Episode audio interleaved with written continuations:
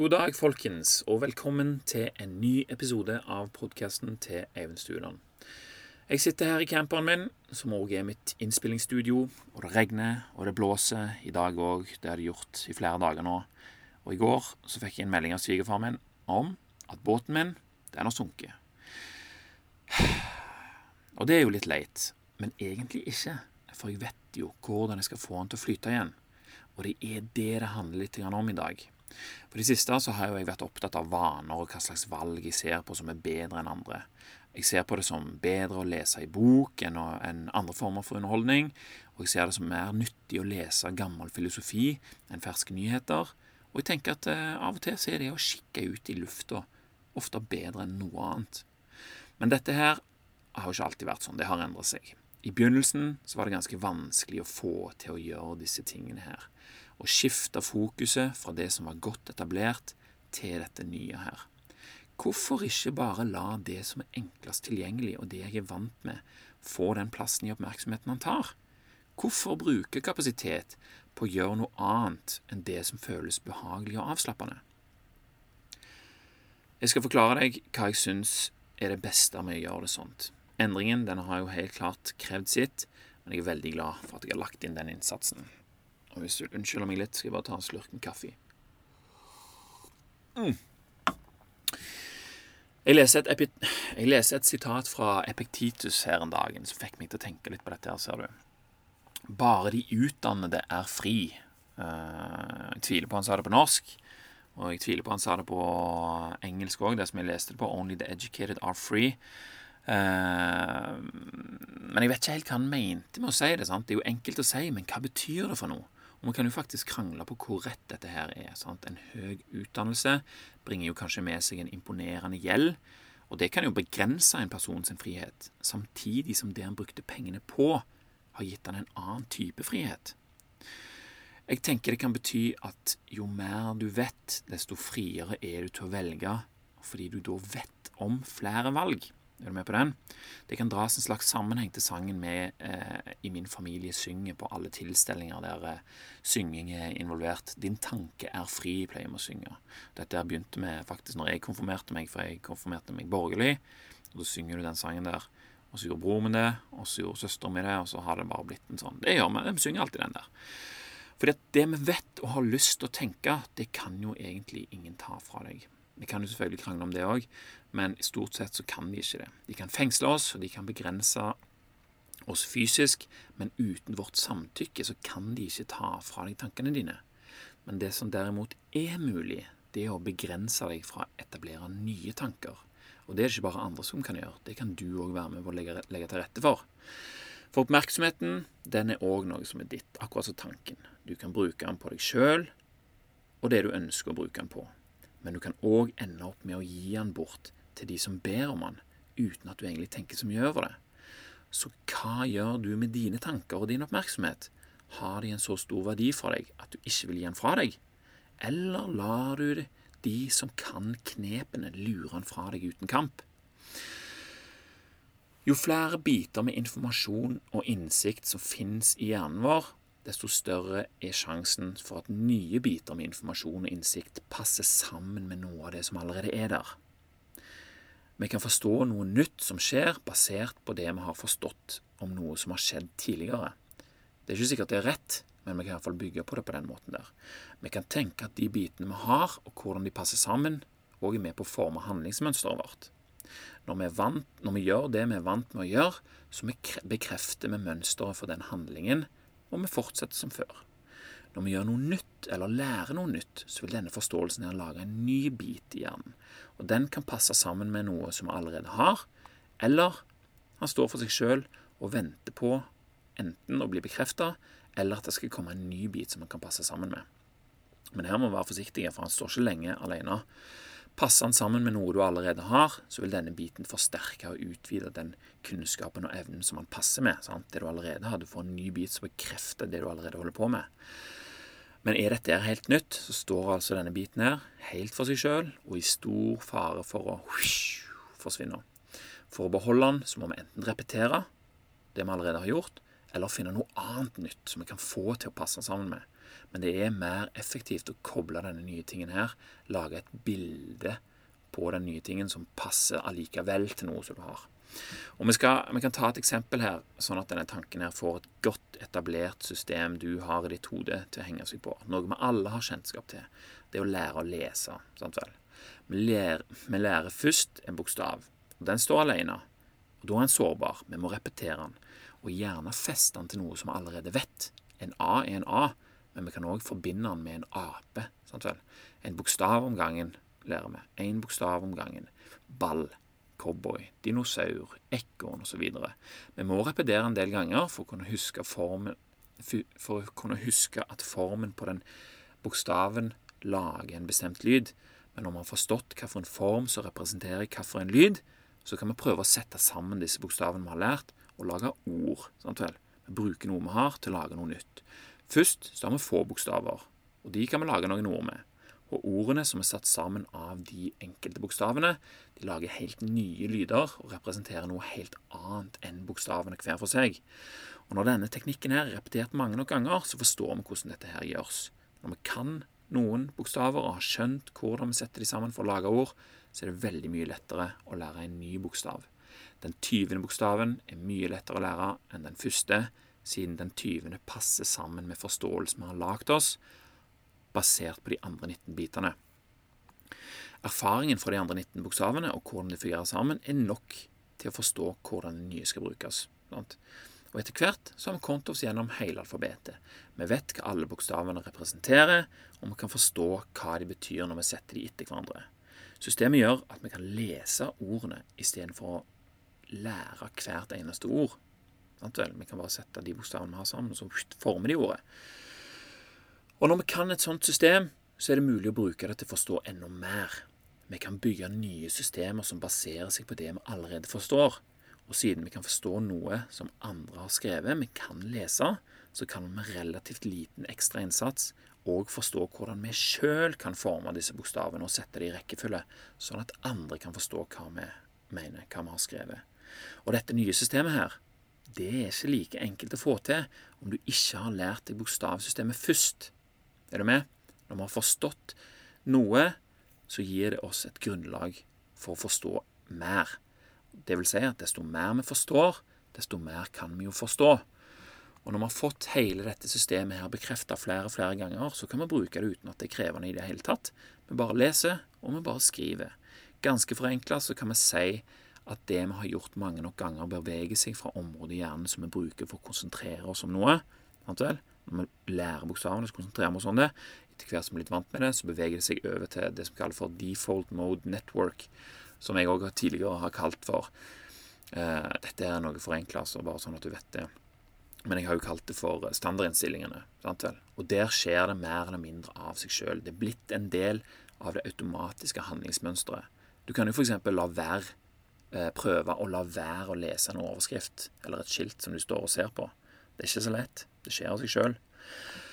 Og siden vi vet dette her, så kan vi jo òg tenke oss at handlinger vi gjør jevnlig, det blir òg til et system som forsterkes for hver gang det blir gjentatt, og som etter hvert blir en del av standardinnstillingene. Sant vel? Selv om vi ikke bevisst går inn for å lære det, så er det den samme prosessen som skjer. Handlinger vi ikke er så vant med, men som vi vil utføre for å oppnå et ønsket resultat. Sant vel? Hvis vi hadde villet lært oss et alfabet, så må det jobbes med aktivt. Og dette kan oppfattes som vanskelig eller ukjent. Sant vel? Det har vi alle opplevd sikkert. Det er fordi at det du prøver å lære, det har ikke et godt etablert system som du kan sette sammen med. Usikkerheten dette medbringer, kan skape hyperaktivitet i default mode network i standardinnstillingene, og overskride pannelappens kontrollsignal, som er viljestyrken. Samuel. du vil heller gjøre noe annet, noe som du allerede kan, og det kan føre til det som på fint er beskrevet som å frivillig utsette en bestemt handlingsplan til tross for at du forventer at du blir dårligere stilt av det. Dette kalles også for prokrastinering, og 20% av befolkningen har kronisk et kronisk prokrastineringsproblem. Vi vil gjerne finne på alt mulig for å unngå dette ubehaget, og det letteste er å ty til det du kan best. Enten det du har lært deg at du liker å gjøre istedenfor, eller bare det som har skjedd. Det er det samme for hjernen.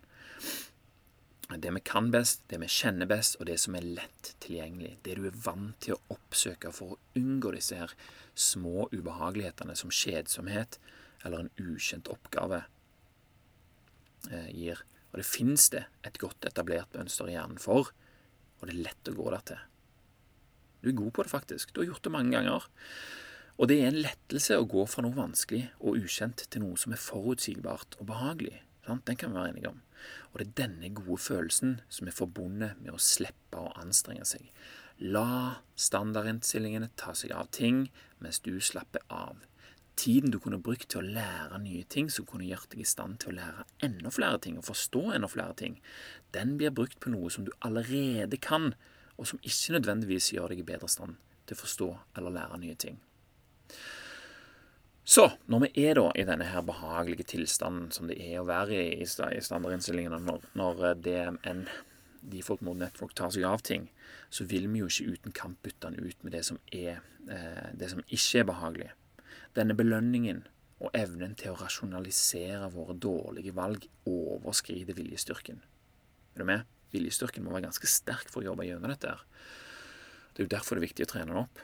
Eh, etter hvert så er vi ikke lenger fri til å gjøre det som er godt for oss. Fatter du? Du, du vet hva du vil gjøre, og du har noen resultater du ønsker deg. Men pga. systemet som vi har lagd oss sjøl i standardinnstillingene, som vi egentlig ikke vil ha, så er det vanskelig å kvitte seg med dette her systemet. Dette du har lært deg til. Resultatet kan være at vi f.eks. spiser det vi vet gir dårlig helse, og lar være å legge oss om kvelden sånn at vi ikke får sove nok. Og når kroppen da bruker kapasitet til å forholde seg til denne her krevende situasjonen, som da eh, gir all slags hormoner som ikke er i forhold til det som er planlagt, da er det mindre kapasitet til overs for viljestyrken til å overskride standardinnstillingene. Samtidig så har vi jo en tendens da til å gi oss sjøl dårlig samvittighet for at vi ikke får gjort det som vi hadde planlagt igjen. Og studier har, funnet, studier, studier har funnet en sammenheng mellom prokrastinering, ikke gjøre det som du har planlagt, og dårlig mental helse og lav livstilfredshet. Din tanke er ikke fri, og du gjør ikke det du vil. Du gir han frivillig til det som klarer å lokke han ut av deg, og du blir demotivert av det. Fatter du? Og det å hente seg inn igjen, fra dette her systemet. Det er en krevende kamp. Men alt som er stort, begynner med noe smått. Hver gang du klarer å skjære gjennom kaoset i Default Mode Network som du ønsker å være i, så, og gjør det du vil, så er det i den retningen du beveger deg. Det blir lagt på små lodd på motsatt side av vektskålen, for å bruke en metafor. Og enda en metafor er at det nå har kommet en ny bit i hjernen når du har gjort dette her. Den er enormt sårbar så lenge den er alene. Den kan forsvinne ved den aller minste motstand. Du kan bare liksom se en reklame, f.eks., og pop, så er du tilbake. Gjør det du gjorde, en gang til. Gi den flere biter. Den biten du nettopp gjorde, gi den flere biter å koble seg sammen med. Og sakte, men sikkert så vil du bygge opp forståelsen for et helt nytt alfabet. Det gamle alfabetet det havner litt mer i bakgrunnen for hver gang du velger å styrke det nye. Men ikke slapp av for tidlig. Du kan fremdeles lese skilt og overskrifter uten å anstrenge deg. Sant? Jeg prokrastinerer, jeg òg. Det er ikke det at jeg er så perfekt, men jeg finner det så mye lettere å overstyre denne her hyperaktiviteten i default mode network med viljestyrken min når jeg har et bilde på hvordan dette her fungerer. Ikke sikkert det bildet trenger å være 100% korrekt, men så lenge det er det du Så lenge du forstår det på en sånn måte, så er du i stand til å bli til å, å gjøre mindre av det jeg tenker er å gi bort tankene og det blir mer av det jeg anser som å lage nye biter med informasjon som jeg kan koble opp mot eksisterende mønster, og da er det jeg sjøl som bruker tankene mine. Jeg vet jo ikke hva folk vil, men jeg kan tenke meg at alle vet hvordan det er å ønske en endring, og at man skal klare å gjøre noe som vil gi et ønsket resultat. Og når din tanke ikke er fri, så kan den hindre deg i å handle sånn som du har lyst til. Og kan du ikke handle, så blir det heller ingen resultat. Og det er det samme om du er fattig eller rik, slave eller konge. Først når du er i stand til å gjøre det du vil, er du skikkelig fri. Og sjøl tror jeg jo at jeg blir mer fri når jeg kan forstå nye ting. Det går det selvfølgelig òg an å diskutere, men jeg blir iallfall i bedre stand til å forstå hva jeg vil, og jeg blir i enda bedre stand til å legge til rette for det jeg ønsker som jeg skal skje. En løsning på et problem er vanskelig å finne når du ikke har den. Sånn vel? Båten er sunket, du vet faen ikke hvordan du skal få den opp igjen. Da er det et problem. Problemet rekker aldri å bli et problem hvis du allerede har løsningen fra før av. Tiden den er alltid den samme. En time er en time, den. Men det kan vi bruke den på, som er forskjellen. Den timen kan være død. Den kan, den, den kan være død idet du ikke lar den ta deg på noe videre. sant vel? Når du gjør noe du kan fra før, bare for å få tida til å gå. Eller den timen kan være lev levende når du tilleder deg noe nytt som du kan få bruk for seinere. Og det er jo det som er den største utfordringen. Å motivere seg til å gjøre ting som du ikke vet hva du skal bruke det på. Men det er nettopp når det skjer, det er det som er det kjekkeste med å gjøre nye ting og tilegne en ny bit informasjon så er det liksom ikke selve handlingen å gjøre det som er det kjekkeste, selv om det òg er kjekt. Men når den dagen kommer, og jeg oppdager at jeg kan bruke det som jeg har gjort tidligere ah, Det er altså en så nydelig følelse. Og det er derfor jeg leser, og det er derfor jeg skriver om morgenen.